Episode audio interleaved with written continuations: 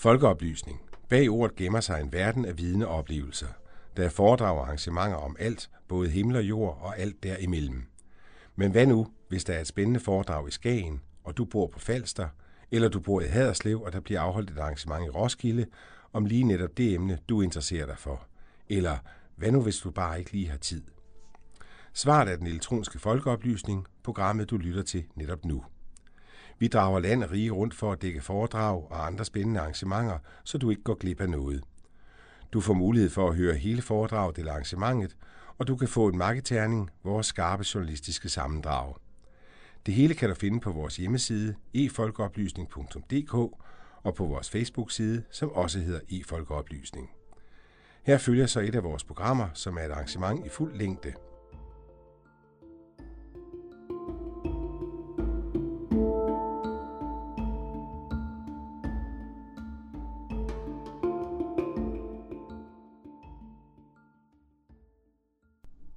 Hør om en skaldet regent, der bliver så deprimeret over et skandinavisk besøg, at han går i kloster. Hør blodige historier fortalt med et meget stort glimt i øjet. Hør om erobringer, forviklinger, PR-strategier og storpolitik, du sikkert ikke vidste fandtes dengang. Dengang i vikingetiden. Sjældent har vikinger været så populære, som de er nu ikke kun i de skandinaviske lande, men stort set hele den vestlige verden.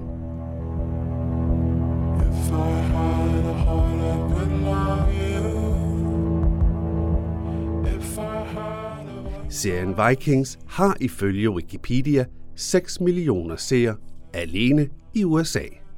Fildelingstjenesterne har delt seriens afsnit 300 millioner gange – og den primært amerikanske producerede serie er der også en af de mest populære nogensinde. At vi så som dansker kan smile lidt af, at de i serien mener, at Kattegat er en by i stedet for farvandet mellem Danmark og Sverige. Og at Danmark i serien altid bliver vist med bjergrige land med masser af gletsjer. Ja, det lader vi lige ligge. Men det er ikke kun i seriens fiktionsverden, at vikingerne er populære. Også på de skandinaviske museer og ikke mindst i forskningsverdenen er vikingetiden et regulært hit. Overalt i landet bliver der holdt foredrag om netop vikingerne, og et af dem kommer her. Det var Folkeuniversitetet i Nordjylland, der havde arrangeret et foredrag ved Lønstrup om vikingernes skibe.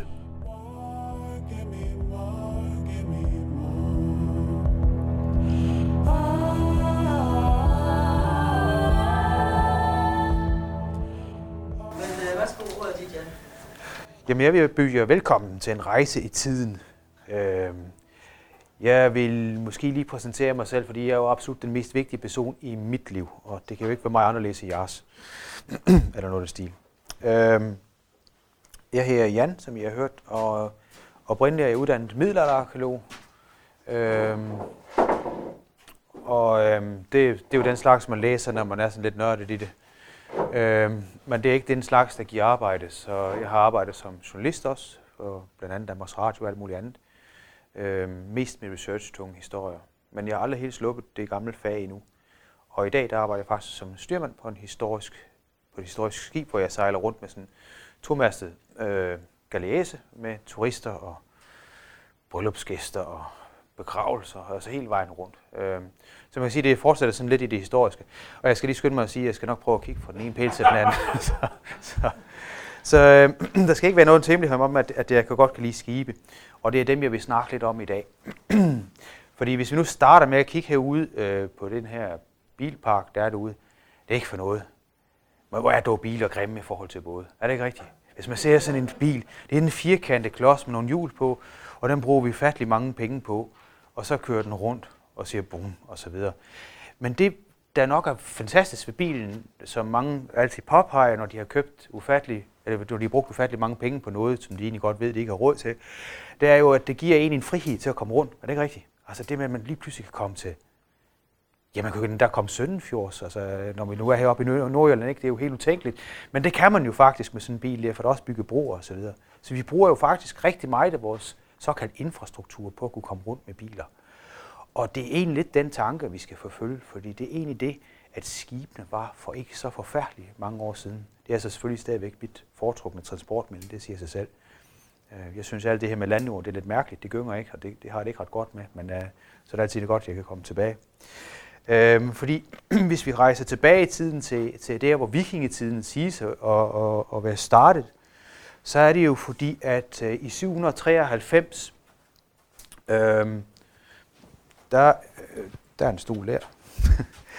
øhm, I 793, der var øhm, det første overfald blevet registreret. Øhm, øh, og det er i Lindesfaren. Og Lindesfaren, hvis man sådan kigger lidt på det, så, så er det faktisk en besynderlig sted at gå til overfald. Altså helt ærligt, altså man sejler vest på, og det har man gjort her for Jylland, er det egentlig ikke i tvivl om, for det passer lige med. Man har jo ikke kompas, skal I være klar over. Så, så den måde, man sejler på, når man ikke har kompas, det skal man altså stadigvæk lære, skal jeg helt sige som styrmand. Det er jo at kunne sejle ugen af navigationsmidler, altså alt det der GPS-værk. Ikke? Altså, det er jo sådan, også for mig i dag, ikke? selv når jeg kører et sted hen, når jeg kører, ikke når jeg sejler, men når jeg kører et sted hen, så, så tænder jeg på GPS'en nærmest, selv når jeg skal hjem hjem til svigermor. Jeg håber selvfølgelig på altid, at det kan køre forkert. Men øh, uh, GPS'en vejer mig, øh, fører mig altid den rigtige sted hen, det, det desværre. Men uh, hvis man ikke har sådan noget, og man ikke har kompas heller, så det man så har tilbage, det er jo solen, uh, det er stjernerne, og så er det dybden. Altså det med at lodde en dybde på, på, på havet, øh, er jo ikke noget, som mange tænker over mere, men, men det er jo faktisk så smart, at når man nu har samme dybde fra, ja, det er sådan en lille smule øh, syd for, for Typerøn af, så kan man faktisk følge en rand hele vejen over til England. Fuldstændig samme dybde. Fordi jeg ved godt, i bøgerne, der står det typisk, at de navigerer efter stjerner og, og måne og, og sol. Men jeg ved ikke, om, de, om I sådan har lagt mærke til, hvordan vejret er i dag. Altså, jeg har ikke set solen i dag, det ved ikke med jer, men, men jeg synes godt, jeg kan huske, hvordan den ser ud, men, men jeg er ikke helt sikker på, at jeg så den i dag. Og hvis I nu forestiller jer på åben hav, og I så skal se at øh, sejle efter solen, og så man ser at kigge op, nej, ikke i dag. Øh, hvad gør man så? Altså, det duer jo ikke rigtigt. Øh, så det her med at sejle efter måner og stjerner og sådan noget, det er helt fint, når vi kommer sydpå, men det er altså ikke specielt hensigtsmæssigt, når man bor i Skandinavien, hvor de trods alt, også på trods af den sommer, vi har haft her, er usædvanligt med solskin hele døgnet rundt. Og i øvrigt også stjerner. Jeg har en hobby med at kigge på stjerner. Det er altså ikke ret tit, at jeg får lov til at stille den her stjernekikker op og kigge op i stjernerne. Fordi selv når jeg er så færdig med at stille den op i øvrigt, så er skyerne allerede kommet. Og det tager jo cirka en halv time at stille sådan en op, ikke? og så kan jeg gå ind igen. Øh, det bliver jo lidt ærgerligt over. Og sådan er det danske vejr jo lidt. Så det med at løje dybden hele vejen over til England er jeg ikke i tvivl om selv i hvert fald. Det, det er ikke noget, jeg har belæg for, men det vil da være sådan som sømand i hvert fald, vil man sige. Det, det er en, en hensigtsmæssig måde at sejle over på. Og så rammer man kysten.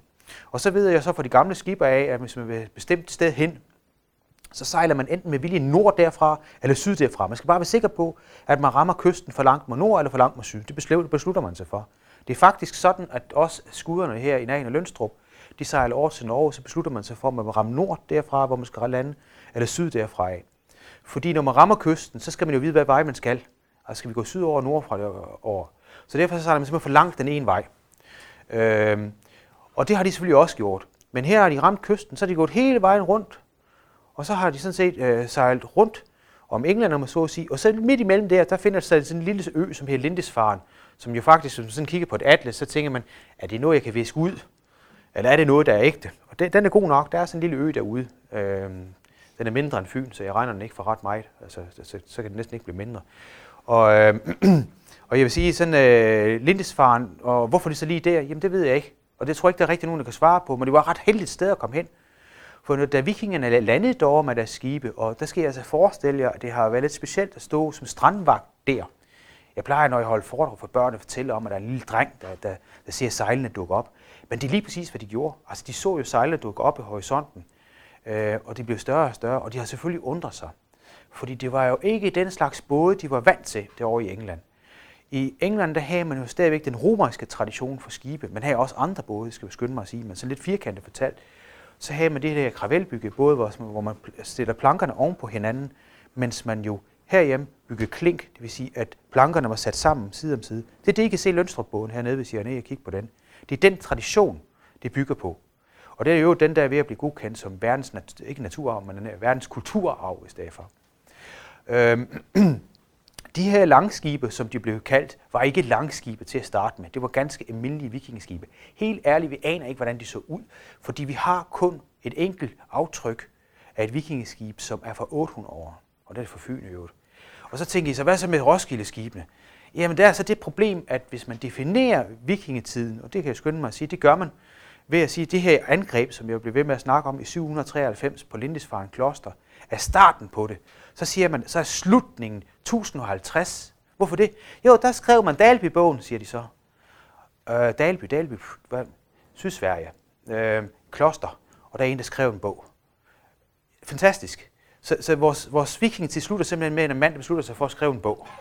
Øh, og det synes jeg sådan er lidt, lidt specielt at tænke på, at det starter sig med krig, så slutter det med en bog, der bliver skrevet. Øh, og det er så fordi, de danske historikere, og der skal I lade mærke til, der forsker med arkeologer og historikere. Altså, det er jo ikke sådan, vi er uvenner på den måde, men vi er måske lidt svært med at forstå hinanden, for jeg forstår det ikke helt. De siger så, jo, det er jo fordi, på det tidspunkt, der lærte man jo så at skrive. Ja, siger jeg så. men det kunne man jo også før. Nej, jo, det her runer. Jamen, det var ikke på samme måde. Nå, hvor ved du det fra? Jamen, det, det var jo ikke alle, der kunne læse runer. Okay, det er et sjovt argument i virkeligheden. Fordi hvis ikke alle kunne læse runer, så skulle man jo ikke tage det der med Dalby-bogen, for der var ikke alle, der kunne læse den, vel? Fordi formentlig ham, der der ansat den her, til at skrive den her bog, var nok den eneste, der kunne læse den på det tidspunkt. Ellers havde han jo ikke skrevet den sådan på den måde. Det andet problem, der også er, det er jo så, at det her med runer, der ikke alle sammen kan læse, så har jeg et problem generelt, fordi de der runesten, der bliver sat op, de er jo rigtig mange steder.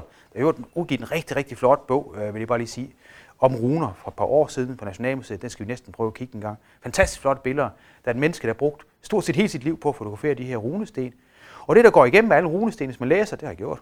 Altså, det har for mig tid på et tidspunkt, hvor jeg ude sejle, tænker jeg, så, så læste jeg den der bog. Det var, det var spændende. Øhm, det er, at man skriver alt muligt om sig selv. Altså, det gælder altid om at sige noget om ens slægt, og så øver det også lige en selv. I kender sikkert Jellingstenen, ikke? Altså, det drejer sig godt nok om Harald Blåtands øh, øh, familie, men i virkeligheden så drejer det sig om Harald Blåtand, og så øvrigt også lige jordanerne og kristne og sådan noget. Men, men det er propaganda. Jeg ved ikke, om I kan forestille jer, hvis nu I øh, starter TV2 og ser reklamer, og så det var på kinesisk. Altså, det ville jo ikke give nogen mening, vel? For det var ikke nogen, der forstod den her reklame. Så når man sætter en runesten op, hvor der står, ham og ham, han har gjort sådan og sådan, eller hende og hende har været blevet gift, og ham der er blevet slået sådan ihjel. Hvis folk ikke kunne læse, eller hvis det ikke ret mange mennesker, der kunne læse sådan en runesten, det giver da jo ingen mening at skrive sådan en. Så selvfølgelig kunne de læse runer dengang. Altså, selvfølgelig kunne ikke alle læse runer. Men jeg kan også, jeg har lige fulgt lidt med i medierne en gang imellem, jeg har også fulgt med i, at jeg er ikke alle, der kan læse i dag. Altså det, det ser jo også ud til at være et problem den dag i dag.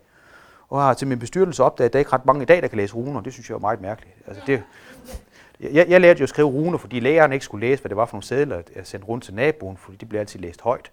Og så blev man ligesom gjort til grin. Så mig og min kammerat, vi lærte at læse, at læse runer, ikke? og så kunne vi sende sæler, og så da læreren triumferende tog den sæl, så kunne han overhovedet ikke læse, hvad der stod. Så var den der pot ud. Det er derfor, jeg lærte at læse runer faktisk. Det var meget skægt. Men øh, der findes øvrigt øh, mere end tre forskellige runealfabeter i vikingetiden, hvis lige mig. Så det første overfald i 793 er også beskrevet på en sten i øvrigt. Det er sådan en, øh, den er så godt nok for, for 20 år senere. Man kan se sådan en sten, øh, hvor det hele det brænder, og så nogle vilde mennesker, der kommer løbende med sværene op øh, og økser op. Og det er sådan en lille rund sten på 40 cm, meget flot. Og den beskriver jo nok det første overfald, siger man. Ja, den beskriver dommedag. Øh, det beskriver faktisk, hvis I, hvis, hvis I skulle komme i nærheden af en bog, øh, som mange har læst, som her Bibelen, øh, der er sådan noget med dommedag i, altså hvor der, jorden går under, og der står der nemlig, at, at, at hvordan det sådan skal foregå. Og dengang havde de ikke helt den samme Bibel, som man har i dag. Øh, den, den er faktisk blevet ændret hele tiden. Øh, det er også noget, man kan diskutere med mange mennesker, som, som går rundt. Altså der har jeg nogle gange nogen, der ringer på min dør, og så vil de gerne diskutere Bibel. Det, det kan jeg godt lide. Det, er er velkommen. Jeg har altid noget kaffe.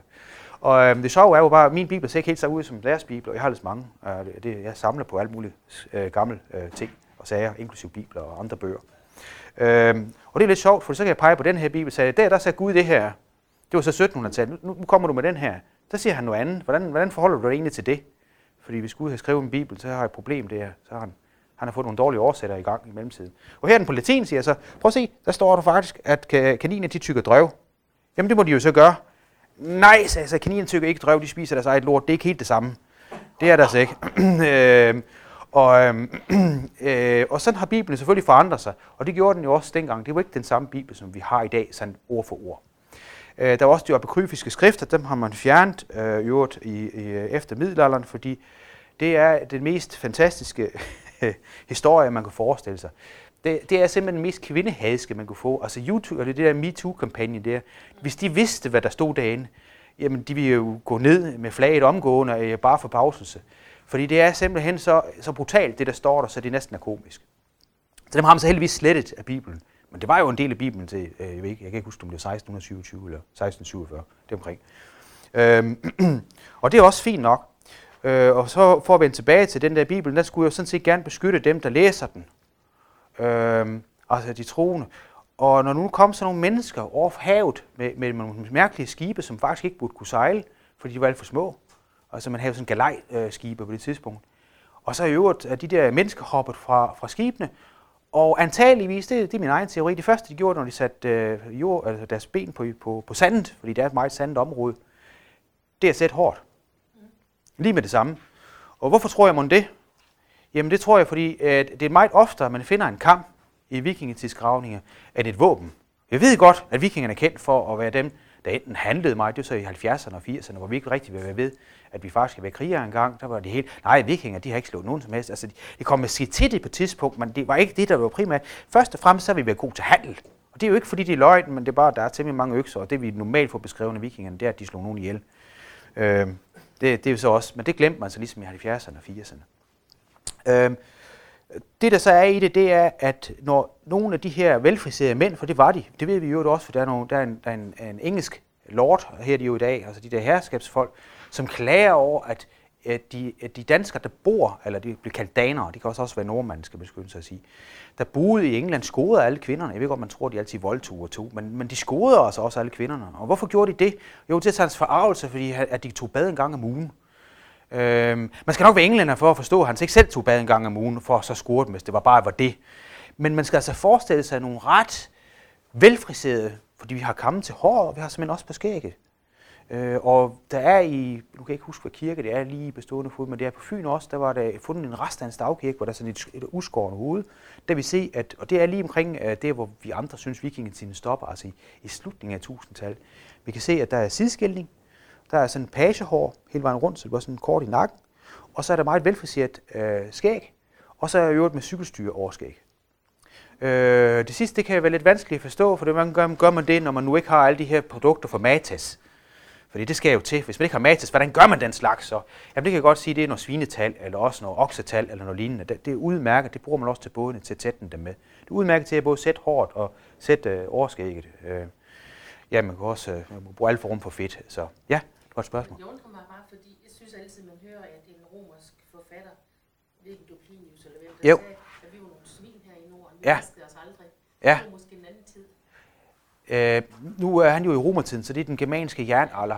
Øh, det er så 300 år tidligere, men jeg vil faktisk stille spørgsmålstegn ved ham i det hele taget, fordi at der er jo en grund til at tro, at man ofte tog bad. Øh, fordi altså, øh, at det her med, med pedikyrerne, han har sagt, altså alle de fund, vi har igennem tiderne, går meget op i udseende og, rengøringsprodukter. Vi har jo øreskraver, altså det er jo nu i middelalderklub, jeg har ikke noget med forhistorisk at gøre, men jeg har jo alligevel været på Moskva en gang imellem og set de fund, der er, ligesom I år har gjort måske. Men der er jo øreskraver til ørevoks, øh, man finder, og man finder alt muligt, altså lussekam og sådan noget. Så jeg er egentlig slet ikke i tvivl om, at de der beskrivelser af det, øh, typisk er politisk tone, jeg ved ikke helt, øh, altså når jeg nu sådan ser Trump for eksempelvis, hvordan han beskriver andre verdener, ikke også? Jeg har lige set sådan en, det var Fox News, der forklarede, hvordan det var i Danmark. Jeg ved ikke, om I har hørt om den der med. Men, men det var noget med, at, øh, at, at vi simpelthen læste hele livet igennem, fordi vi fik så mange penge for at læse. Og, og sådan har jeg ikke helt oplevet det, altså da jeg selv læste, det må jeg sige. Jeg, jeg, jeg har heller ikke helt de der cafépenge, som man også snakker om herhjemme, dem har jeg heller ikke rigtig oplevet. Men det er da rigtigt, at man en gang imellem går i byen, ellers så får man jo aldrig rigtig nogen bedre mage eller noget. Så jeg tror, der er lidt politik i det her også. Ja. Der er jo også en arabisk forfatter, Ja, i Bilan, ja. De svinske nordmænd. Ja. Men det kan jo skyldes, at en araber, han vasker sig i rindende vand, ja. Øh, vikingerne vaskede sig i vandfad, og det var, det var noget Ja, det var det formentlig. Så derfor kan der jo godt være sådan nogle kulturelle ting, der gør, at, at det ser ud som om, at det er nogle svin. Det tror jeg bestemt, og der kan jo også ikke udelukkes, at der findes nogle svin. Altså nu har jeg lige været fyn rundt for gamle træskibe, og jeg så på mange af mine kollegaer, som vældig renlige, men der var også en enkelt smutter iblandt. Ikke? Altså, dem kan vi jo godt finde. Øh, og hvis nu sådan en araber lige støder på sådan en der, ikke? Også, så får den jo fulde hammer, fordi at det er jo igen politisk. Altså deres øh, alle de her, der skriver på den tidspunkt, det skal man regne med, det er ikke mindre politisk end i dag. Tværtimod, det er formentlig lige så politisk som i dag. Man har jo interesse til at fremstille sig selv som, som værende fantastisk, mens de andre er ufantastiske. Øh, der er også en araber, nu ham du, du taler om, det er jo Volga-vikingerne. Vi er faktisk ikke engang sikre på, at det er vikinger, men vi regner med de vikinger. Fordi vi ved, at de har sejlet på Volgaen, og vi ved, at de har efterladt sig spor, så det er meget sandsynligt, også det han beskriver med, at, øh, at, øh, de brænder skibet og, og den slags ting der. Ja, lige præcis, det er en begravelse, han ser. Øh, men der er også nogle ting derimellem, altså for eksempel så hans slaveinde går så rundt og har samkvem med alle øh, mænd, der er der. Øh, og det er antageligvis flere hundrede. Og jeg ved ikke, jeg har en kammerat, der er læge, og han, han synes ikke helt, det lyder sandsynligt. Altså, øh, øh det, det, det er voldsomt meget. Han siger sådan, med 20 stykker, så dør man normalt. Altså, øh, så, så der er nogle ting der sådan rent, hvis man begynder at spørge nogle fagfolk, som måske ikke passer helt. Men, men man blæser jo lidt op, ligesom man gør i medierne generelt. Ikke også? Øh, og så kan det jo godt være, at der, fordi noget af det, han lægger mærke til det mere ved nogle svin, det er det her med, at man ikke vasker sig, efter man har fået afføring. Altså efter man har været på lokum og så videre, så vasker man sig ikke. Og det har jeg jo så også set på tv, øh, TV, og det er jo så DR-TV, at de engang lavede en undersøgelse om, hvor mange mænd, der faktisk vasker hænder, når de er færdige med toiletbesøg. Og det så heller ikke ret kønt ud. så, så man kan sige, at altså, det er sådan lidt afhængigt af øjnene. Jeg ved godt, jeg karikerer det lidt. Men igen, det der med, at de kommer lidt an på, hvem der kigger. Og så især, hvem der sammenligner med. For du har jo ret i, at det her med, med hvordan, hvad, altså, hvordan øh, skal det være rindende vand, skal det være varmt vand, skal det være, altså hvad kultur har man som, som, som baggrund for, hvornår man er ren. Og deres renhed, øh, deres idé for renhed er jo mere sjæleligt, end det faktisk er fysisk. Altså det der med, at man vasker hænderne, øh, afhængig af om nu siger eller sunnimuslimer, øh, og man vasker sig bag øret og sådan nogle ting der. Altså man skal jo gå helt om bag ved øret, så vidt jeg husker, og, og sådan nogle ting. Det er for at skylde sig ren, altså sjælen ren, og man kan sige, at vand er jo også en, en, en mangelvare dernede, så det med at gøre sig ren er også sådan en luksusting, øh, som adskiller de almindelige mennesker fra dem, der nu er, er, er religiøse højt, eller også øh, økonomisk højt på strå. Men igen, øh, det korte lange er altså, at vikingerne var formentlig, øh, og man skal huske vikingeperioden, altså det, det er jo 300-400 år, vi snakker om. Vi får det til at lyde, som om det lige var en periode. Hvis vi tænker på, hvor meget vi har oplevet i løbet af vores liv, altså hvor mange forandringer, så har jeg måske nogle gange svært med at forstå, at, at man sådan ligesom har en idé om, at vikingetiden starter fuldstændig ens og sluttede fuldstændig ens. Fordi det er jo ikke tale, det kan jo ikke lade sig gøre. Altså, det er jo så mange hundrede år, øh, man spænder over, så selvfølgelig har der været udvikling der også. Så jeg kan jo ikke udelukke, at der var perioder, hvor det var anderledes. Men rent fundmæssigt, og det er det, man holder sig til arkeologisk, det kan vi så se det her med kammen er ekstremt vigtigt. De første byer, der blev dannet, altså Ribe og, og øh, altså de handelsbyer, som efterhånden dukker op, også Aarhus osv., kammeværkstederne er meget, meget store i fundmaterialet. Så kammen har været meget, meget vigtige. Det kan også skyldes, at man har lus og, og lopper, fordi de der kamme minder faktisk gevaldigt meget om lus og lopper. Men jeg har ikke prøvet at lave sådan en kopi, og så prøve at låne barn i, i børnehaven med, med lus og se, om det virker. Men det kunne faktisk være meget spændende i virkeligheden. Altså ikke bare for sjov, men sådan i alvor, ikke? For det virker det. Så kunne man jo sige noget omkring lus og, og så videre. For vi ved fra fund af også, altså som afføring, som man jo finder, at der er en del, øh, altså en del parasitter, øh, som har boet de her mennesker dengang. Det er jo ikke så mærkeligt i virkeligheden, ikke? fordi man gik jo meget tæt sammen med dyrene også. Man boede jo i, i små rum i virkeligheden. Nej, de var store rum, men man var bare mange, så på den måde blev de jo små. Altså langhusene var jo... De fordi, hvis man nu tager et øh, hus for Hedeby, altså det er så godt nok et byhus, det har været øh, øh, en lille smule længere end det lokale, vi sidder i, og så har det været delt op på midten, ligesom her også. Og så har der været værksted øh, på den ene side, og så var der ovenikøbet en ovn. Og så på den her side, der levede man så på nogle øh, lave vægbænke, øh, som var på begge sider af bålstedet. Og der lå man så, og man har så diskuteret, om man nu lå med, med fødderne ned mod bålet, eller om man lå på langs. Fordi hvis man nu ligger med fødderne ned på bålet, så kan det ligge langt flere mennesker i sådan et hus, end det ellers kan. Men så har man problemerne med, at, at tæerne ryger over kanten. Og det bryder jeg mig altså ikke rigtig om, uh, tanken om. Omvendt igen kan man sige, at der er mange senge, hvis jeg været på friluftsmuseer, hvor, hvor, hvor sengene jo i 1800-tallet var klart mindre end folkene. Altså de var små dengang, men så små var de heller ikke. Nogle af sengene er 1,10 meter. 10. Øhm, de, de, så har man altså siddet halvvejs op og sovet. Og hvorfor ikke? Altså hvis man ser nogle af de her naturfolk, øh, som man jo også kan møde, der bor i Kalahari-ørken, de har en vane med, at de kan sove med hovedet, altså uden at lægge det ned på, på, på jorden, ikke? fordi at der løber der parasitter eller myrer ind i ørerne, så de er i stand til at sove på den her måde. Og når vi ser på japanerne, jamen de sover med sådan en, øh, altså jeg synes det minder om sådan en ting, man, man, man, man hugger hovedet af med, ikke? men det ligger de på som en slags hovedpude, det er sådan en slags træstativ. Ikke? Jeg, jeg synes ikke, det ser særlig behageligt ud. Men det er jo igen det der, der er i virkeligheden er pointen. Man, man bruger jo i dagens i dag med, at det først er behageligt, når det rigtigt er blødt, og ergo må det have været blødt dengang også, ellers er det noget galt. Og, og sådan behøver det jo ikke være øh, på nogen måde. Det kan være, at de har haft en helt anden øh, opfattelse af det.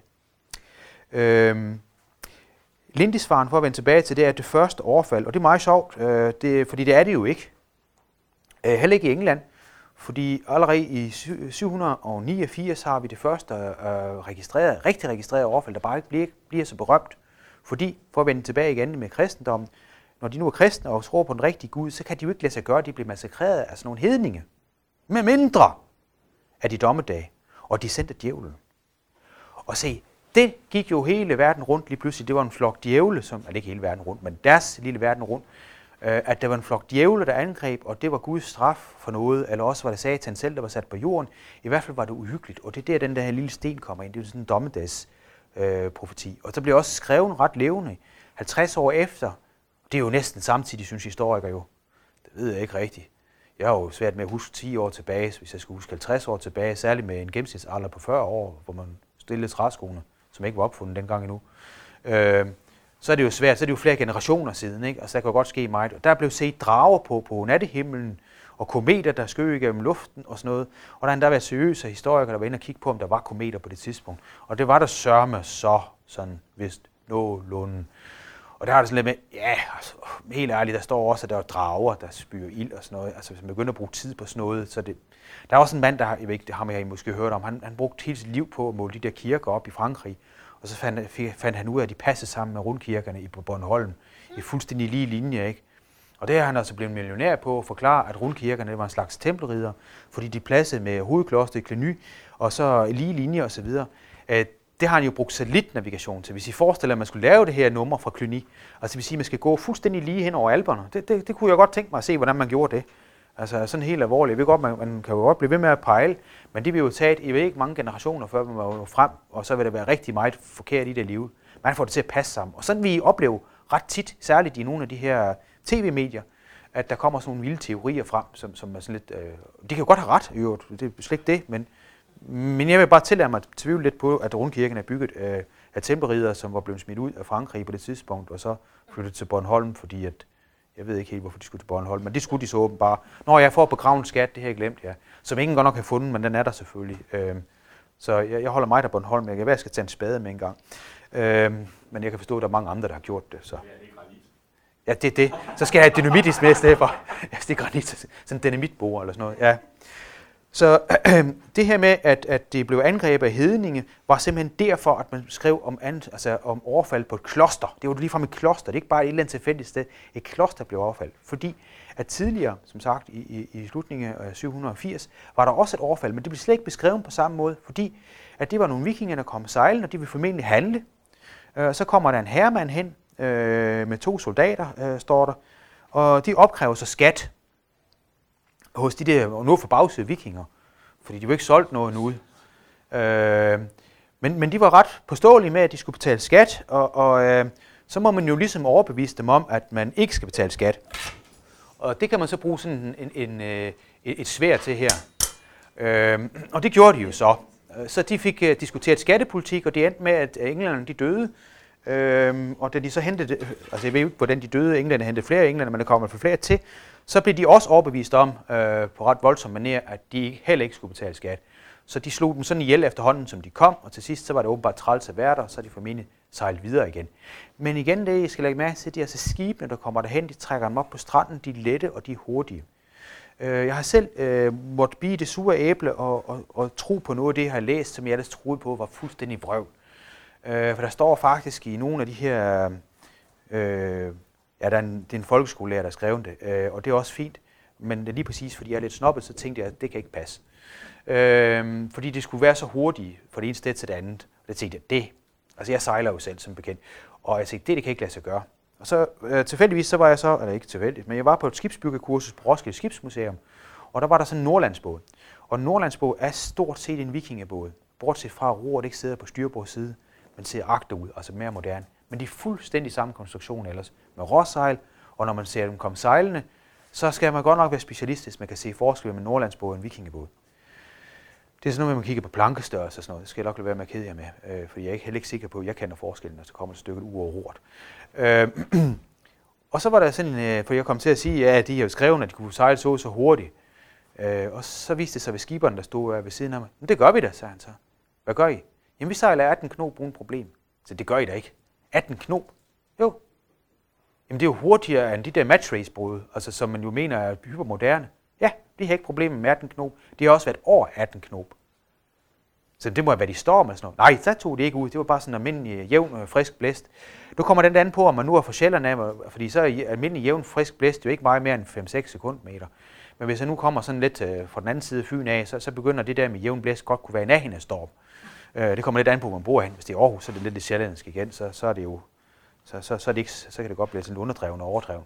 Men øh, 18 knop, det æder bank med hurtigt. Altså der skal man jo helt op i, i de her, der lige så eller Australian Cup for at finde noget, der er lige så hurtigt eller hurtigere. Og det her, det er altså handelsbåde.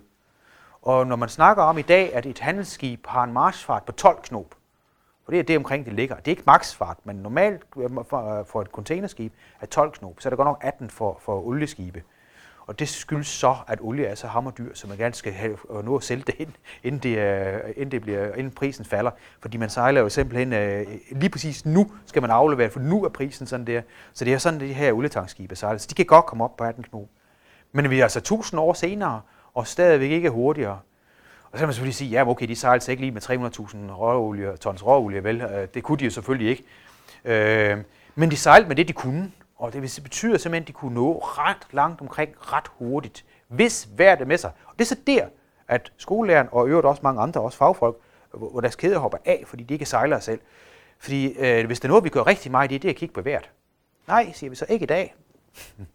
og det gør man også, som man er fisker. Nej, ikke i dag. Nej, men i morgen måske. Så man venter på, at vejret bliver rigtigt. Og det er også det, de fandt ud af nu her, hvor de sejlede det her store langskibskopi, altså fra Roskilde over til, til, til Irland, hvor de besøgte dem derovre.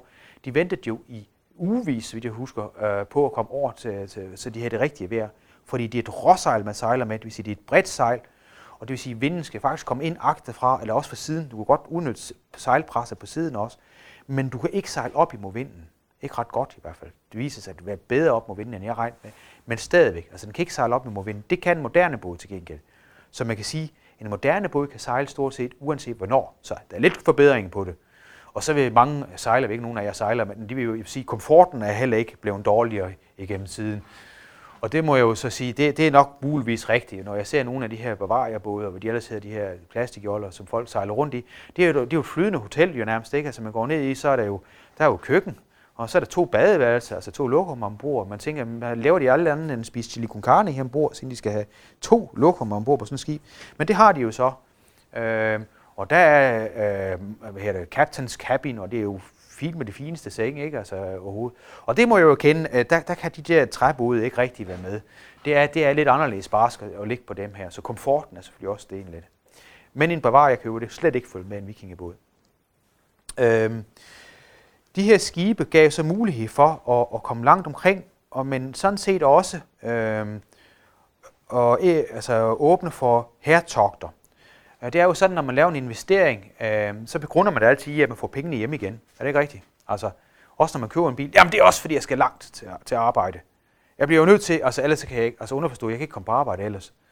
Øh, og så er det jo lige pludselig en god investering. Så er det lige meget, om man har købt en Mercedes e, i, i klassen, eller hvad nu ellers hedder øh, til flere millioner. Det, det er en god forretning simpelthen med en bil, også selvom det, det øjeblik, hvor den triller ind over kantsten, så er den faktisk bedste halvdelen af værdien, stort set kan jeg forstå. Så er det stadigvæk en god forretning. Men prøv på at begrunde det her i det, og det har de selvfølgelig også gjort. Altså mennesker er jo ikke anderledes i dag, end de var dengang. Og det vil det sige, at de har jo ligesom skulle udnytte de her både, fordi det har været en voldsom investering. Og jeg kan så fortælle jer, at en ting er selve skroget på, på vikingeskibet, hvor man jo skal finde det her træ, og det er ikke bare lige at finde det, det skal jo være det helt rigtige træ og man brugte rødder til stævntræ, kan jeg forstå. Det er der i hvert fald en teori, der går på. Så man skulle også grave ned øh, for sådan en træ, der man, man har hugget om kulde. Øhm, og, og der går rigtig meget træ til spilde også, fordi så finder man, altså man laver de der planker, det var jeg med til på Roskilde, så, så lige pludselig, så, når man kom langt nok ind, åh, oh, der var sgu noget, der ikke var i orden.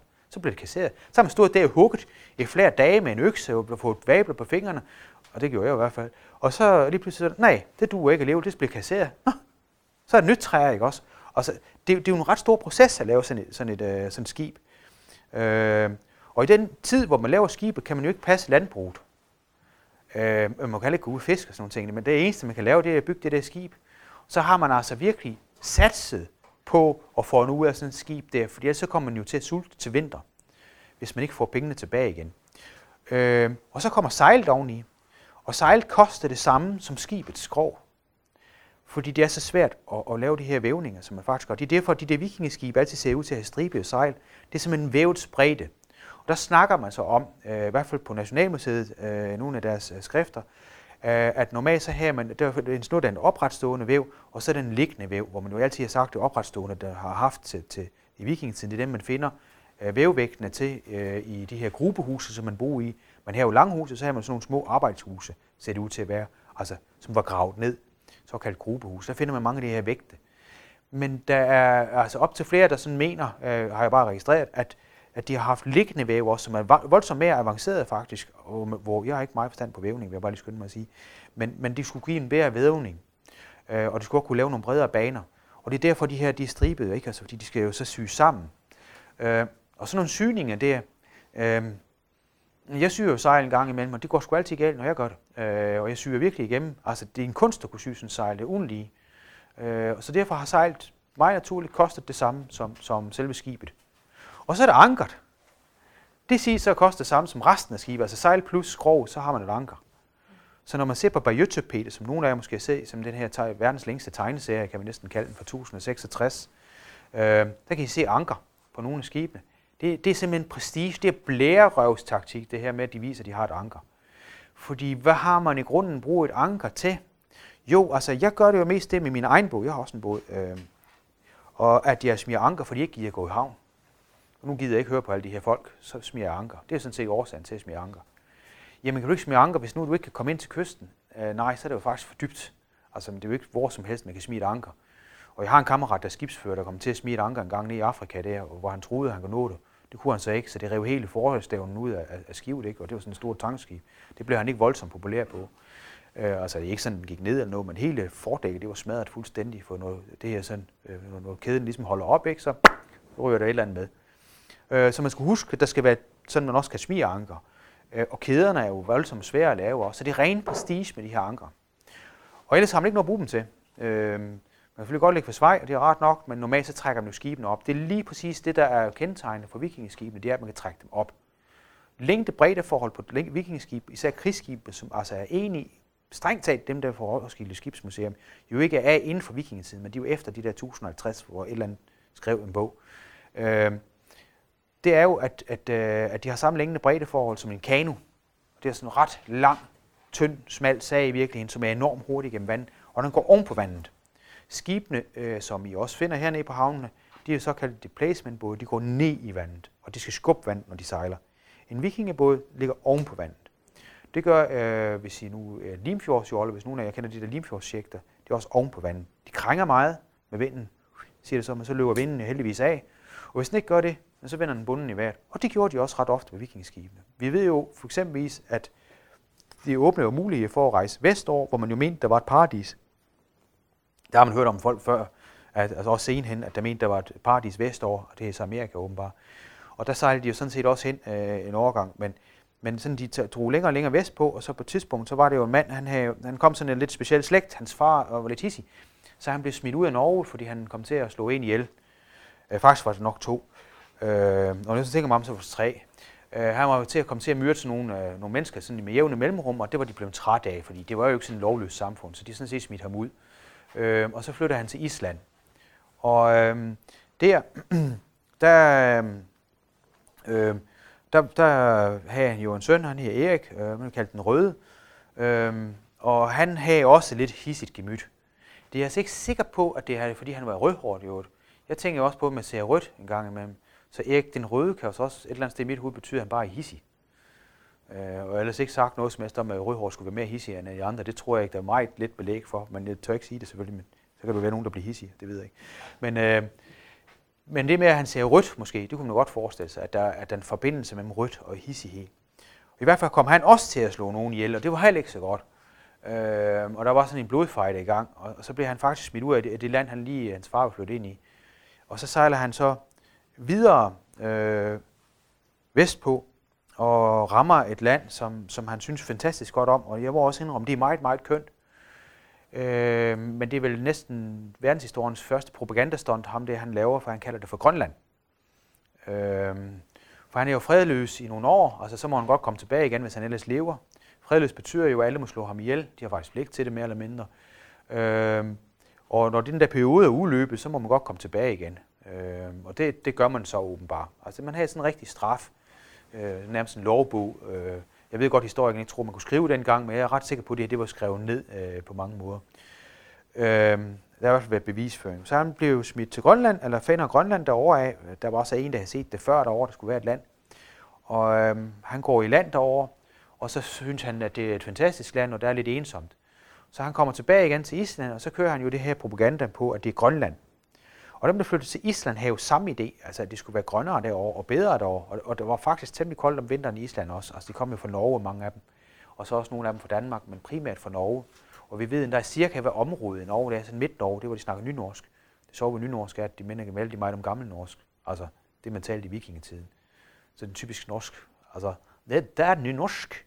Uh, øh, nej, det er faktisk gammelnorsk. Uh, øh, det, nej, det er verdens beste språk. Det er jo nynorsk. Det er jo øh, nytt. Altså, vi har øh, just opfundet det. Nej, det er faktisk det, de altid har talt i det område. Og det er det område, hvor de, sådan, øh, hvor de, hvor de har det her lidt specielle ordstilling, hvor, øh, hvor de flytter fra over til, til Færøerne og så videre til, til Island. Øh, det er en speciel sproggruppe, så man altså, kan altså ikke bilde sig ind, at islandsk og færøsk, som i øvrigt ikke minder, altså jo for os, der ikke kan ret meget af det, kan det godt minde om hinanden. Det er ligesom tyskere, de synes jo, at dansk, svensk og norsk, det, det lyder sgu ens.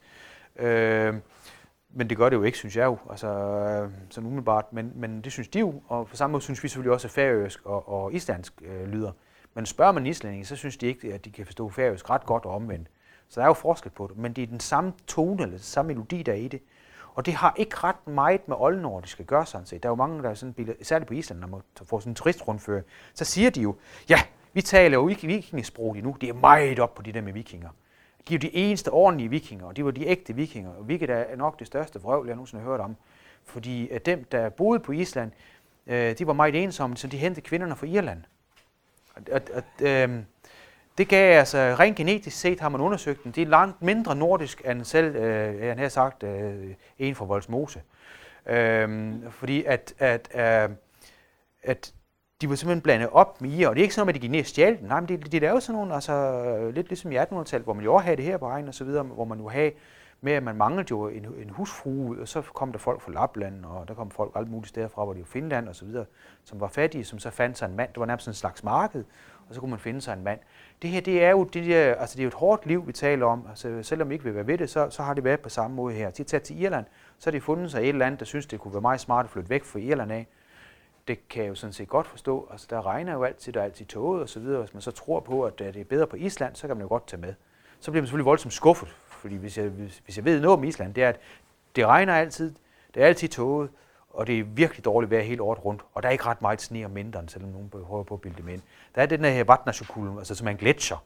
Selvfølgelig er det koldt der, og selvfølgelig er der sne der, men sådan, der hvor de andre bor, Reykjavik og Keflavik, og sådan nogle steder der, jamen det er jo frygtelig kedeligt område. Altså, det ser, altså, der er ikke meget ved det øh, sammenlignet med Grønland. Så, øh, så han får faktisk en masse skib til at sejle over til Grønland. Og, øh, og der ved vi, at kun halvdelen cirka nåede frem. Altså resten var faktisk gået til. Øh, og nogle af dem var måske også vendt om, det ved man ikke helt, men det kun halvdelen, der når frem. Og under alle omstændigheder, så selv dem, der vendte om, har jo syntes, det var for farligt, så de vendte rundt igen.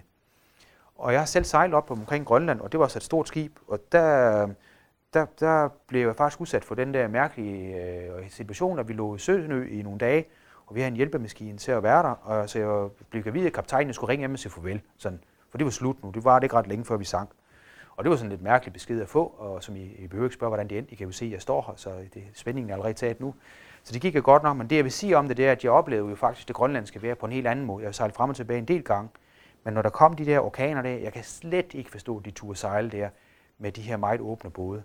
Altså det her, vi var jo 100 mand ombord, og det var ikke et lille skib, vi snakker om. Og alligevel var vi ved at synke. Og så kommer de sejlende i sådan nogle små øh, 15, 20, 30 meter både. Altså det, det må sige at være modigt gjort. Eller også så er det simpelthen, fordi man tænker, heller det end det der. Og så er spørgsmålet selvfølgelig, hvad det der så er for noget, altså det, de flygtede fra. Det er klart nok, hvis man er fredhæld, altså hvis man er kaldt, øh, sat i bandlyst, altså alle må slå ind ihjel, det er en umiddelbart ret stor motivationsfaktor. Okay, jeg bliver slået ihjel, hvis jeg bliver her, og hvis jeg sejler, så har jeg måske en chance. Øh, så er det jo klart nok, at man sejler videre. Men hvis man ikke har det, så hvad pokker for folk til at sejle så langt? Eventyrlyst bliver der altid skrevet om. Ja, det tror jeg Øh, en meget god forklaring. Øh, og så er det altid det, der kommer ind i øh, en tanke om at kunne tjene penge. Øh, på, på Island, der levede man meget af fordrift, øh, og man havde også nogle køer. Så man tog nogle køer med over til Grønland også. Problemet var bare, at de døde allerede den første vinter. Så det der kustal øh, og, og, og Grønland, det var ikke så godt, fordi det kan godt være, at det var grønt om, om sommeren, for det er der.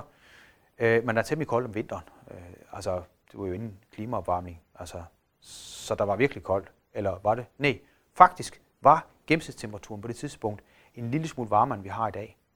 Øh, så, men det, det er så lidt, vi snakker om, og i øvrigt så skal man også lige Altså det er jo ikke fordi, de har været meteorologiske øh, måleinstrumenter på det tidspunkt. Så når de sådan fastslår, hvad temperaturen var dengang, så er det noget med, at de kigger på nogle overringe. Det er noget med, at de kigger på vegetationen, hvad slags græs gror det i weekendtemperatur osv. Lad os bare sige, at det er behæftet med usikkerhed. Men det er dog et varmere klima, end det, der fulgte bagefter, nemlig i, i slutningen, eller i midten af middelalderen, der kommer der det der den lille istid, som jo varede helt, ja, ligesom lige nærmest indtil for nylig. Øh, sådan i historisk perspektiv. Så de her øh, folk, der drog ud, var utvivlsomme også, fordi de ville tjene penge på et land. Men hvad vil man tjene penge på på Grønland? Ja, altså øh, hvis nu man var træl på Island, og man lige blev frikøbt, og man ikke havde nogen som helst jord, så var det da en god motivationsfaktor. Hvis nu man var en eventyr, altså det var en anden motivationsfaktor. Så jeg forestiller mig lidt som en skibe var fyldt op med mennesker, som hver især havde deres årsag. Så jeg tror ikke på det der med, at det var én ting. Jeg tror på, at der var øh, lige så mange grunde til, de sejl, som der var folk ombord. Hver for sig havde en, en anden historie. På samme måde, som ligesom man kan læse om dem, der tog til USA. Altså hvis I læser de der dagbøger, og hvem der, altså i 1800-tallet, og også nu her, altså der tager til USA en gang imellem, de er vidt forskellige årsager, de tager det over. Og det tror jeg også, det har været det på det tidspunkt her. Øhm, fra Grønland af kunne de så sejle, det var så, altså, øhm, han, ham den hissige mand, øhm, den røde der, han fik jo også en søn, Øh, og han var jo også sømand. Øh, det skulle man jo være dengang. Øh, og, øh, men han var bare ikke så god, øh, må man sige. Han her Leif, og han blev kaldt den lykkelige. Og jeg ved ikke helt, hvor lykkelig han sådan set var. Øh, for han prøvede jo på at sejle op til sin far på Grønland, og han ramte ved siden af Grønland fra Island af. Det vil jeg sige, altså en ting er, at man kan ramme Færøerne herfra af, og man kan ramme Lindesfaren. Det er faktisk noget af en navigationsbedrift. Men at kunne ramme, ramme forbi Grønland fra Island af, når man sejler vestover, det, det er med godt gjort, undskyld mit sprog. Det er jo da fantastisk.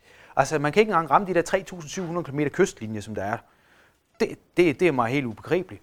Og så sejler han videre over, og så kommer han så over til det, hvor Bjarni, han har ment nok, han har set noget land, altså over, ved, øh, over det, der så i Amerika i dag, altså hvor han kommer derover. Og nej, det er ikke det, det, er det første gang, nogle øh, mennesker kommer til Amerika. Indianerne var der før.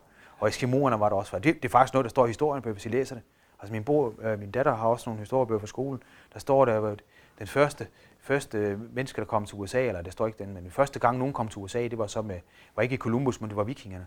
Ja, nej, nej, nej, altså det er helt forkert at sige. Det, grønlænderne kom der også. Altså, grønlænderne kommer jo ikke fra Grønland. De, de kommer derovre fra. Og så drog de over, ikke? Og, og indianerne var der faktisk også før. Og så er der sådan noget helt andet med Eske Villerslev, som jeg, har, øh, som jeg kender ret godt, ham der genforskeren. Han siger så, at der er faktisk meget interessant, der er flere genetiske øh, spor, så de er muligvis ikke en stamme, de her indianer, de kunne komme alle mulige steder fra. Han har ikke helt regnet det. Så vidt jeg forstår, så har han ikke helt regnet ud endnu. Øh, så de er mange forskellige, der kom efterhånden derover til. Så det er jo, de er så ikke vikingebåde, så jeg kan godt undre mig over, hvordan de kom derover. Men der er åbenbart også andre, der kan bygge skibe, der kan sejle, selvom jeg ikke vil være ved det. Øh, Vikingebådene øh, åbner altså mulighed for at udforske noget og tro på, at man kunne handle eller også tjene på noget. Fordi på Grønland kunne man så sælge narvaltanden. Narval er de her valer, som har sådan en lang tand til at se op i panden, og ingen rigtig ved, hvad de bruger dem til, fordi jeg har set dem, de danser sådan en dans igennem ishullene, hvor de sådan øh, hopper op og ned med de der pinde der, og det ligner sådan, øh, ja, en dans faktisk. Og jeg ved, aner ikke, hvorfor de laver det. Jeg spurgte sådan en valforsker om, hvorfor gør de det der? Det ved jeg ikke, sagde han. Og så tænkte jeg, så er det jo ikke nogen skam i. Jeg heller ikke ved det, og jeg har heller ikke fundet ud af det nu. Øhm, og det, det er jo også godt nok. Men de der narvale, dem kunne de jo sælge. Kunne de så sælge dem som narvaltand? Nej, fordi hele Europa var jo kristen. Og i den kristne mytologi på det tidspunkt, der stod der noget med, at et enhjørning, det var simpelthen et symbol på Jesu. Det, fordi den, den kunne kun fanges af en jomfru, som var uskyldsren, og som tog, øh, jeg tror faktisk, det var fuldmål eller noget den stil, det, ind i en lysning og have duk i sit skød. Så vil den komme og drikke af det skød. Og så kommer du finde en, øh, en indjørning ikke? og fange den. Og så kan I godt se, så er enhjørningetanden jo lidt sjælden.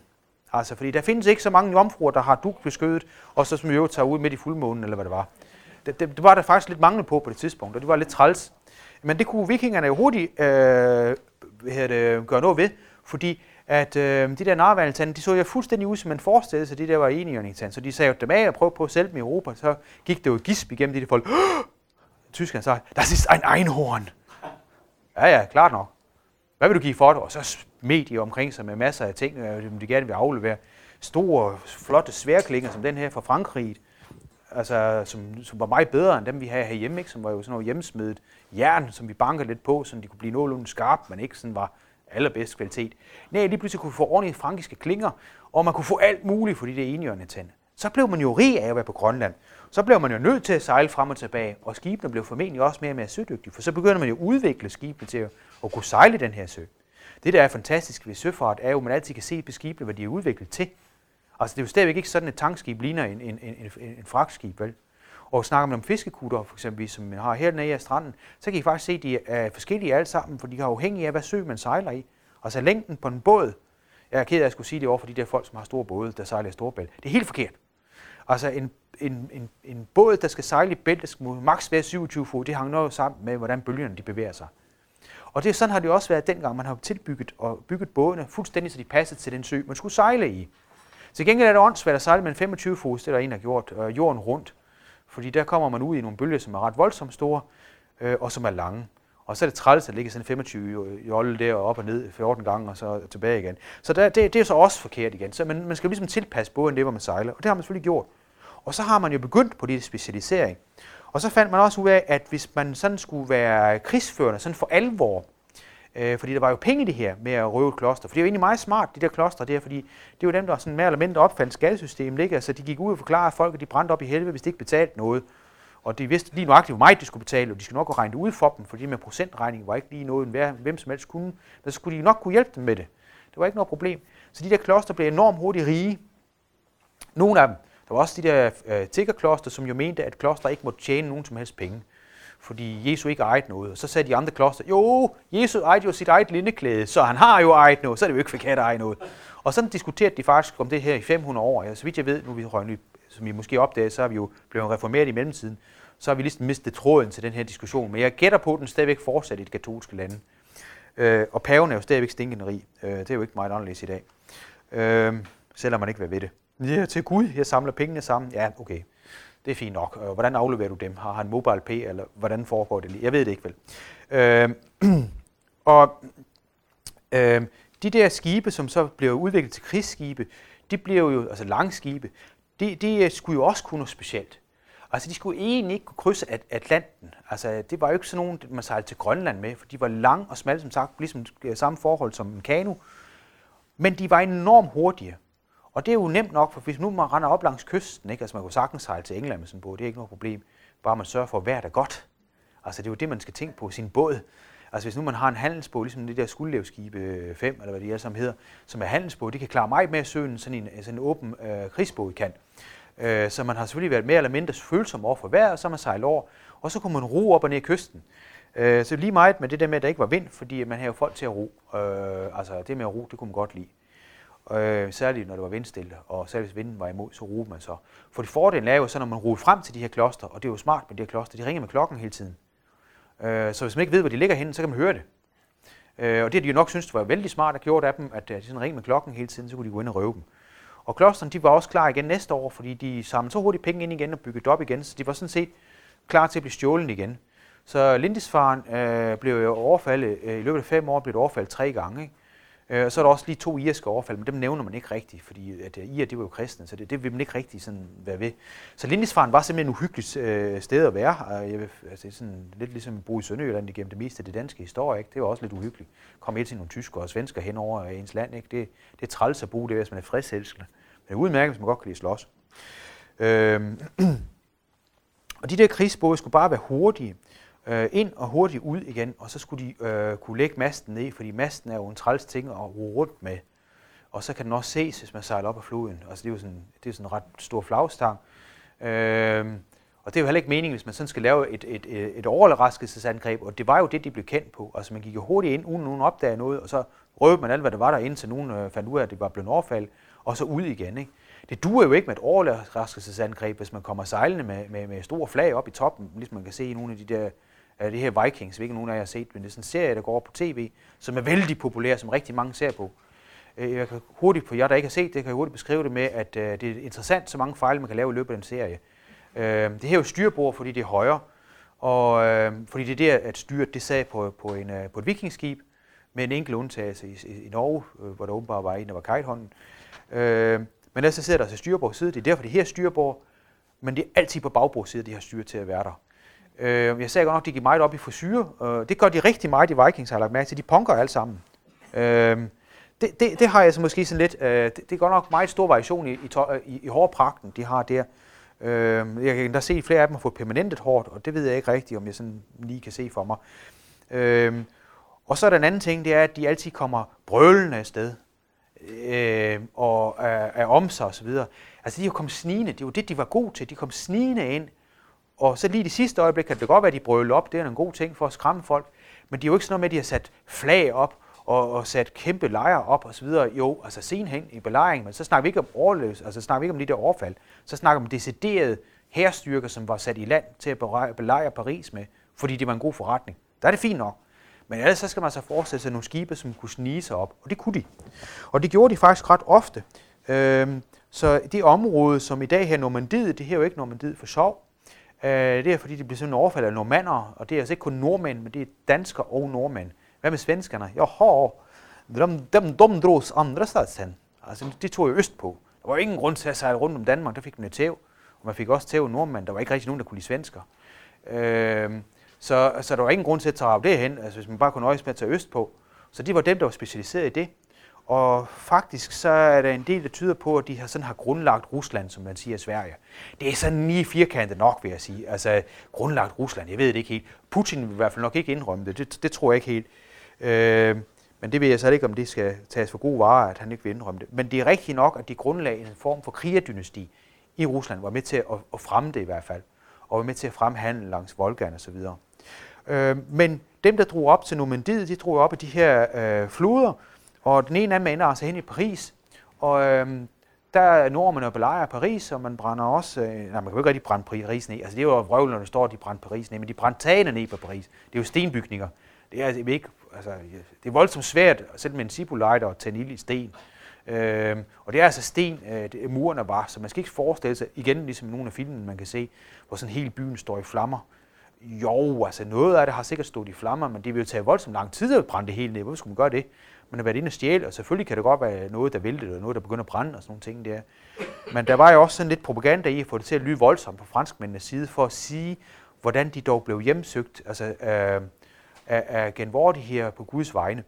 Øh, de her øh, overfald øh, på Paris, det var træls i længden. De kom faktisk tre gange. Øh, det var også en enkelt gang, hvor de var handelsfolk, og alligevel så blev de så bange, at nogen af dem hoppede i brønden. Det står der. Øh, det, der er lidt træls for sådan nogen, der griner det, der, de her sagaer, det er så, at man faktisk fandt folk i en brønd øh, i Paris fra vikingetiden. Altså, det kunne være samtidig med det. Øh, ja, det kunne så også godt tænkes, at nogen blev smidt i brønden. Vi ved egentlig, at øh, mytologien, øh, mytologisk set, så det her med menneskeoffer i en brønd ser ud til at være noget, man gjorde. Man har også i nogle af, af vikingtidsborgerne i Danmark, hvor man, hvor man altså finder folk ned i brønden og brønden. Man gav dem til underverdenen formentlig, eller noget den stil der. Jeg ved det ikke helt, det er sådan set også lige meget, men pariserne var ikke specielt glade for at blive overfaldet hele tiden. Det synes faktisk, det var træls, for at sige det på godt jysk, at der hele tiden kom sådan nogle rendende i skibe, som de ikke kunne nå. Så på et tidspunkt, det var så øh, Karl den Skallede, blev han vist nok, øh, han opmarcherede simpelthen to hærstyrker på begge sider af floden. Den ene side var bønderne, og den anden side det var hans egen personlige herre. Og vikingerne, de øh, lagde sig til i, øh, i, i sådan en ø midt i sejlen der, og, og kiggede til begge sider, og så havde de en forfærdelig masse kristne fanger, som der står, og dem hang de så, ligesom for at provokere dem. Det har været lidt træls, fordi det, det, der er jo ikke rigtig noget træer på sådan en altså det er bare sådan en sandrevl, ikke? Så de har sådan lige skulle sætte op, og så næste, og så næste, og så næste, og det gjorde de meget ud af, og det har de nok taget et stykke tid. Og det har hisset de her franskmænd vold, vældig meget op. Altså, de har jo ikke meget humor, sådan nogle franskmænd. Vel? De kunne ikke se det sjove i, at deres landsmænd sådan på den måde blev hængt i, i, i, øh, i, i en lang kavalkade. Så øh, de blev mere og mere hissige. Og så øh, danskerne og nordmændene, og jeg ved ikke om svenskerne var med til det overfald også, de besluttede sig så for at gå i land. Og hvilken side af landet gik de mod Jamen det var bønderne var. Det er jo klart, at man angriber jo ikke sådan en professionel herstyrke, når man kan nøjes med at udradere en masse bønder. Og det her er også, det er typisk fransk det her, det er et virkelig godt gennemtænkt, ikke? Man har den professionelle her på den ene side, og så, øh, ja nu skal jeg ikke sige for mig, men hjemmeværenden på den anden side, ikke? Øh, sådan en, der egentlig er udkommanderet, som ikke rigtig har lyst til at slås, når vi sådan for alvor kommer til stykker, for det var alligevel ikke en del af aftalen. Det bliver fuldstændig massakreret. Øh, og, og på modsatte side af bredden, der kunne de så stå og kigge på, og det var sådan en professionel del af herren, ikke? de kunne så kigge på, at de andre blev massakreret. Og det kunne ikke gøre noget som helst, de kunne ikke sejle over jo. De har ikke nogen både. Det er ikke sådan noget, franskmænd de bygger bro over, det har de lært romerne. Det, det, det, det der med at sejle, sådan, nej, nej. Det blev de så bedre til sidenhen, men, men ikke sådan voldsomt meget. Så øh, det endte så med, at ham der, Karl den Skalle, han blev så deprimeret, at han gik i kloster. I mellemtiden blev Normandiet mere og mere angrebet af vikingerne, for de var en god forretning, ikke? Men man hilste jo nærmest på vej op og ned øh, på, på sejlene. Hej, dag, Jonas, hvordan går det med dig? Ja, vi er på vej op. Ja, det er orden. Vi ses, ikke også? Og så så de sådan mødt hinanden på vej op. Har du brændt den der byne? Ja, den er taget. Du kan bare sætte den næste. Den er ledig. Øh, og, og det har jo, har jo gjort, at simpelthen den der øh, område blev helt affolket. Men Karl han blev så bedt om at komme tilbage igen, og han bad på sine grædende knæ og så videre øh, til Gud, og han så et syn for sig. Og hvad så han så for sig? Ja, i virkeligheden har han nok haft en form for, for taktiker og en spindoktor og lidt af hvert, som har forklaret ham, at de måtte gøre noget ved de her vikinger. Øhm, ifølge savnen, som altså ikke er helt, øh, helt tåbelig, øh, så, så har man jo sådan et, et, øh, et sejlen så slår sådan en bugt, og man kan sådan set se øh, den dag i dag, at der er blevet gravet en kanal igennem, så savn, det franske savn passer altså ens med noget af det, man kan se. Det er bare et problem med motorvejsbyggeri, der går hen over det har ødelagt meget af det, kan jeg forstå, på nogle franske arkeologer. Men kort og langt er så, at da vikingeskibene var inde i den her bugt, så lukker man vandet ind. Så stod det lige pludselig på tørvejr derovre. Øh, så lukker man simpelthen vandet ud, fordi man lukker øh, floden direkte igennem i, i sådan en nåløje. Ikke? Det er jo egentlig ret godt tænkt. Øh, og kong Rollo, som han så hed, han stod så der med hans vikingeskib, og skulle så lige pludselig slås mod en ret stor herrestyrke. Øh, og så mente franskmændene jo som så vanligt også, så så ja. øh, værsgo overgive dig, og Rollo, hvorfor det? Jamen, du bliver massakreret, kan du ikke se der? Du er meget stor styrke her, og du har en lille styrke der, det går slet ikke op. Og ville fransk, øh, vi slår dig ihjel alle sammen. Ja? Nej, det er i orden. Hvad? Kom Det er i orden. Øh, øh, øh, hvad skal I de? Altså, hvad siger han ikke også? Men han siger, det er i orden. Øh, men hvad? Ja, vi slås. Vi vil gerne slås. Mm, det er jo åndssvagt, fordi I dæber jo krigen, ja? Jamen, det, det er lige meget, for vi skal alle sammen dø. øh. Ja, det bliver lige om lidt. så øh, skal jeg slå nogle franskmænd ihjel, så er jeg klar. Øh, så kan vi få noget kaffe. Ja, øh, så, øh, så kong Rollo, han øh, får stillet sin hærstyrke op, og franskmændene der så, og så begynder man at forhandle frem og tilbage. Så bliver man alligevel enige om, at så nemt vil det nok ikke gå, for man kunne godt se på dem. Altså, de var så åbenbart øh, klar til at gå i døden. Øh, og det ved jeg ikke, hvor realistisk det er. Det er der ikke ret mange, der har lyst til i grunden. Men hvis alternativet er, at man bliver slave og sådan nogle ting der, og man er en, en stor herrestyrke, og man jo stadigvæk har vundet en del gange, og man stadigvæk tror på ens egen taktik, og man jo tror på de gamle guder, og jo tror på, at man kommer rigtig et rart sted hen, hvis man bliver slået ihjel på et slagmark, og i øvrigt, og i øvrigt, og i øvrigt. Jeg skal lige sige, at dagsrationen på en soldat i på en hus var 6 liter øl, og selvom det kun er 2,5 procent, så svarer det stadigvæk til 10 øl om dagen, altså sådan procentvis. Så jeg ved ikke helt, altså øl, altså øh, hvis man sådan ser på julefrokoster i Danmark den dag i dag, ikke også, der er også mange, der ser ud til at vil dø øh, på det tidspunkt, uden at være frygt øh, somlig på nogen måde, ikke? Altså, det ser ud til, at man gerne vil drukke, drikke, til man dør, og køre biler og alt muligt bagefter. Men kort og lang er så, at man forhandler, og så bliver man enig med sig selv om, at øh, man vil tilbyde ham noget. Kong Rollo fik simpelthen sådan i bedste mafia-stil et tilbud, han ikke kunne afslå. Han fik det her land, som nu her Normandiet, øh, til gengæld så skulle han holde alle vikingerne ude. Øh, det var han sådan set lidt midt på, fordi han ville jo få et helt land, og det var jo stort set affolket, så den franske konge, synes jo, eller kejser var han jo faktisk, han synes jo ikke rigtigt, der var noget tabt ved, at, at, at øh, man sådan øh, gav ham det land der, for han ville, ville rejse hjem, og i omstændighed snart igen, fordi hvorfor skulle han dog blive der? Men kong Rollo, han besluttede sig for, at det var et vældig fint stykke land. Det minder jo meget om Danmark nu, men det, jeg ved ikke, om I er her, men, men det er sådan, jeg synes umiddelbart, det ser ret hjemligt ud. De har masser af landbrug, en, en, del, øh, en del forureninger og sådan noget, ligesom jeg har det, hvor jeg bor. Øh, men, øh, og det er ret fladt. Og, og, sådan. og så har de jo et øh, fortrinligt god vin, som heller ikke kommer fra Normandiet. Det er også bare, når de køber supermarked fra Sydfrankrig. Øh, og øh, der er egentlig ret hyggeligt. Og det har han også synes. Og så begynder han jo at dele de her lod ud til hans krigere. Du kan få det der, du kan få det der, og så begyndte man systematisk og, og, og faktisk at planlægge hele landet. Det blev en ret velfungerende samfund på sigt. Altså virkelig sådan efter bogen. Meget typisk skandinavisk. Ikke? Det er det, vi er kendt for i dag. Det er det der med orden. Altså Anders Fogh, som jo var generalsekretær i uh, øh, FN, som I ved, ham kaldte de The Rain Man. Altså hvis I kan huske filmen Rain Man, det er sådan en, der er psykisk syg autist. Ikke? Øhm, og det her med at have det hele sådan i systemer, det var vikingerne rigtig gode til.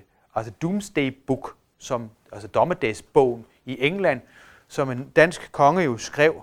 Den her sådan ikke, fordi det er dommedag, fordi nu går jorden under, det er fordi han skrev en bog om, hvem der ejede hvad, så han kunne beskatte dem. Og det var englænderne jo meget imod, fordi lige pludselig beskatter han jo alle lav som, som, som, som høj.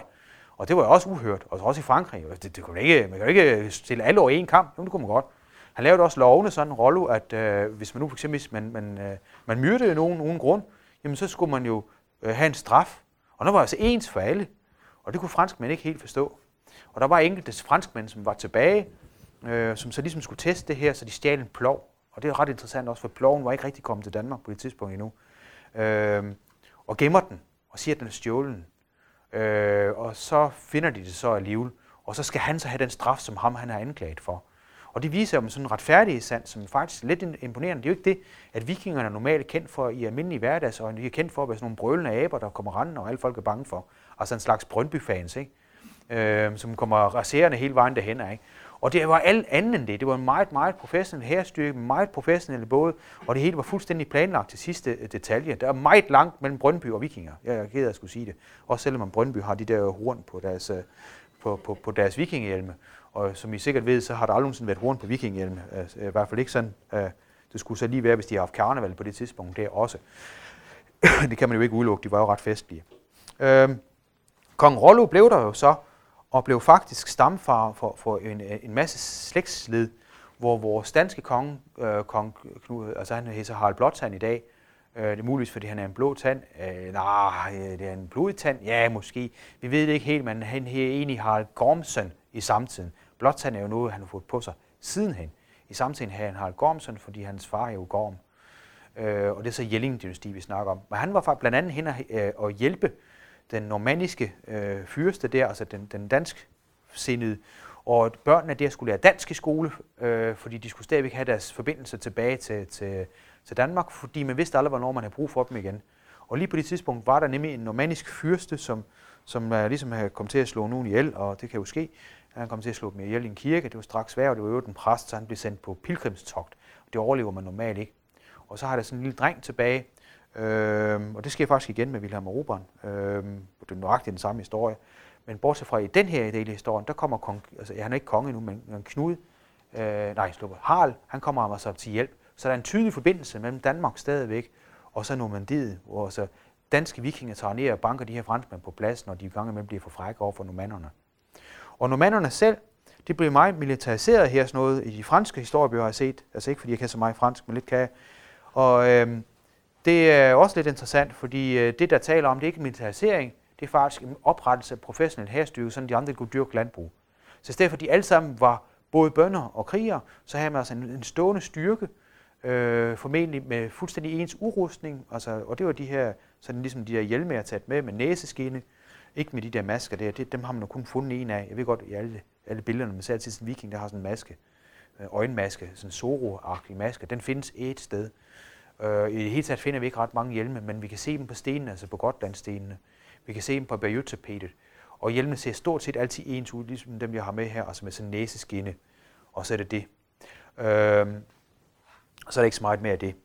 Så øh, den professionelle herrestyrke, som så kommer der, udvikler sig faktisk sådan, at vi, øh, at vi får riderskabet op at stå.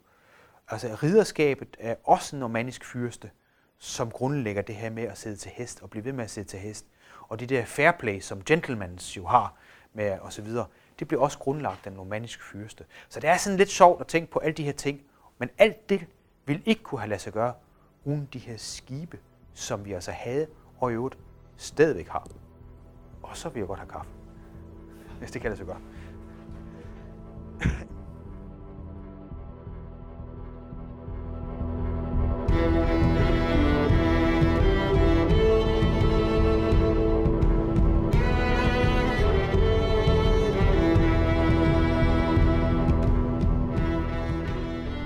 Du har her hørt foredragsholder, arkeolog, journalist og styrmand Jan Semmen fortælle om blandt andet vikingernes skibe. Det var Folkeuniversitetet i Nordjylland, der stod for arrangementet, som der afholdt i maleriske omgivelser på Strandfodgården ved Lønstrup. Vi linker til nogle relevante kilder fra vores hjemmeside. Men ellers kan vi anbefale et besøg på Roskilde Vikingeskibsmuseet og ikke mindst det nye museum i Jellinge.